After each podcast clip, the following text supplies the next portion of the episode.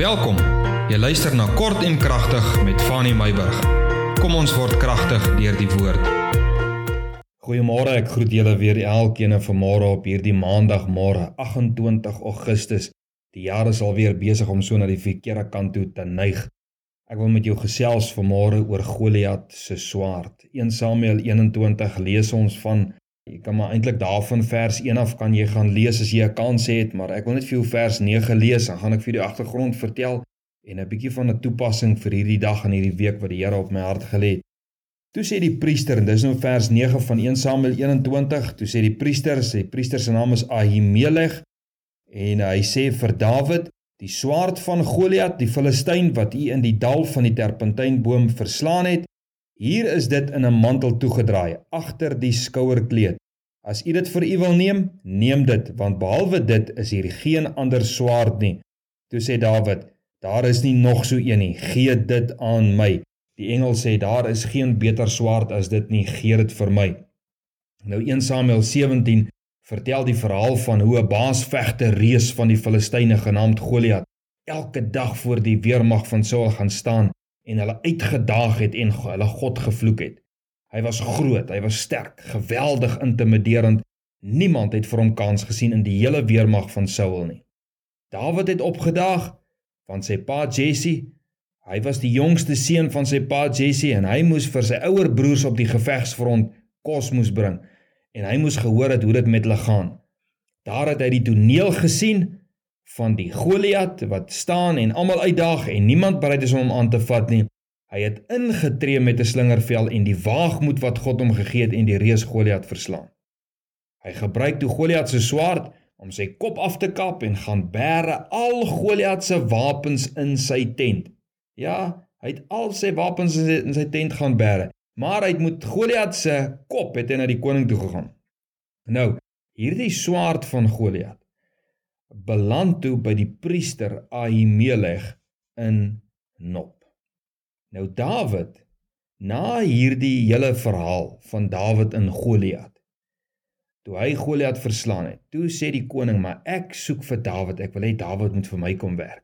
Dawid gaan werk toe vir koning Saul na die oorwinning en die koning se jaloesie teenoor Dawid het so geweldig uitgekring dat hy Dawid wou doodmaak. Hy het sy lewe gesoek. En so vlug Dawid van Saul en hy kom toe by Ahimelech die priester uit. Nou is ons by 1 Samuel 21 die vers wat ek gelees het in vers 9. Nou toe hy by Ahimelech uitkom, onthou hy vlug nou vir die koning.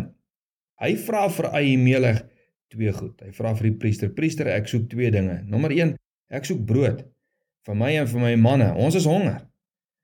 En tweedens, ek soek 'n wapen." Ahimelech gee toe vir Dawid die ou toonbrode van die tempel.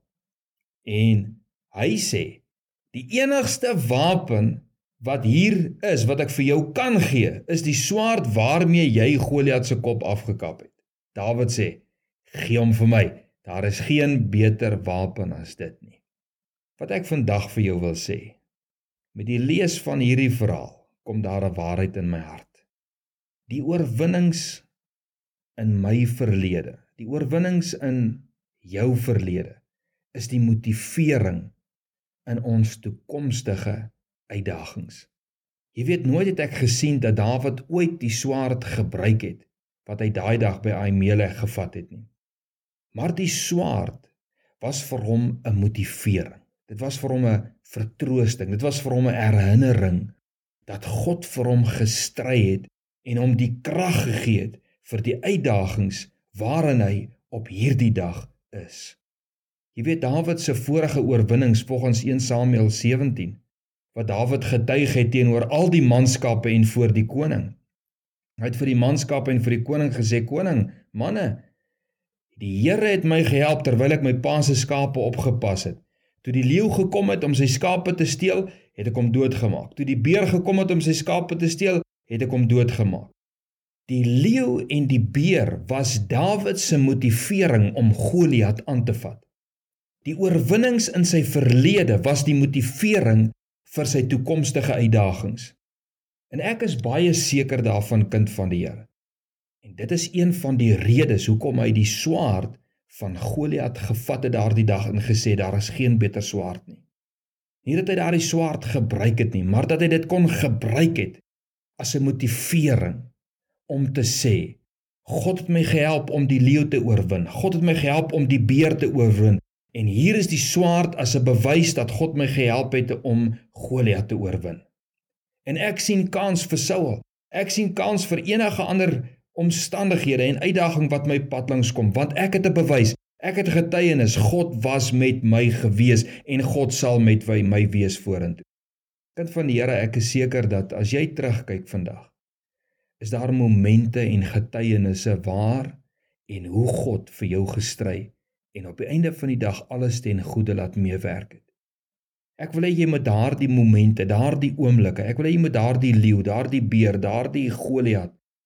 Ek wil hê jy moet dit vat as motivering vir jou uitdagings vir vandag en vir hierdie week en sê soos die Here my deur gedra het deur daardie omstandighede waarin ek was wat dit vir my gelyk het asof ek dit nie dalk sou gemaak het nie. Het die Here my tog deurgedra en dit gebruik ek as 'n motivering om te sê dit wat voor my lê, dit wat vandag op my tafel is, die uitdaging wat ek vandag beleef, God is by my. God is my krag. God is my sterkte. God is my oorwinning. God is my sterk toring en by hom sal ek skuil want hy is die een wat vir my die oorwinning gegee het soos wat hy my die oorwinning gegee het die vorige keer toe ek die leeu, die beer en die Goliat moes geveg het.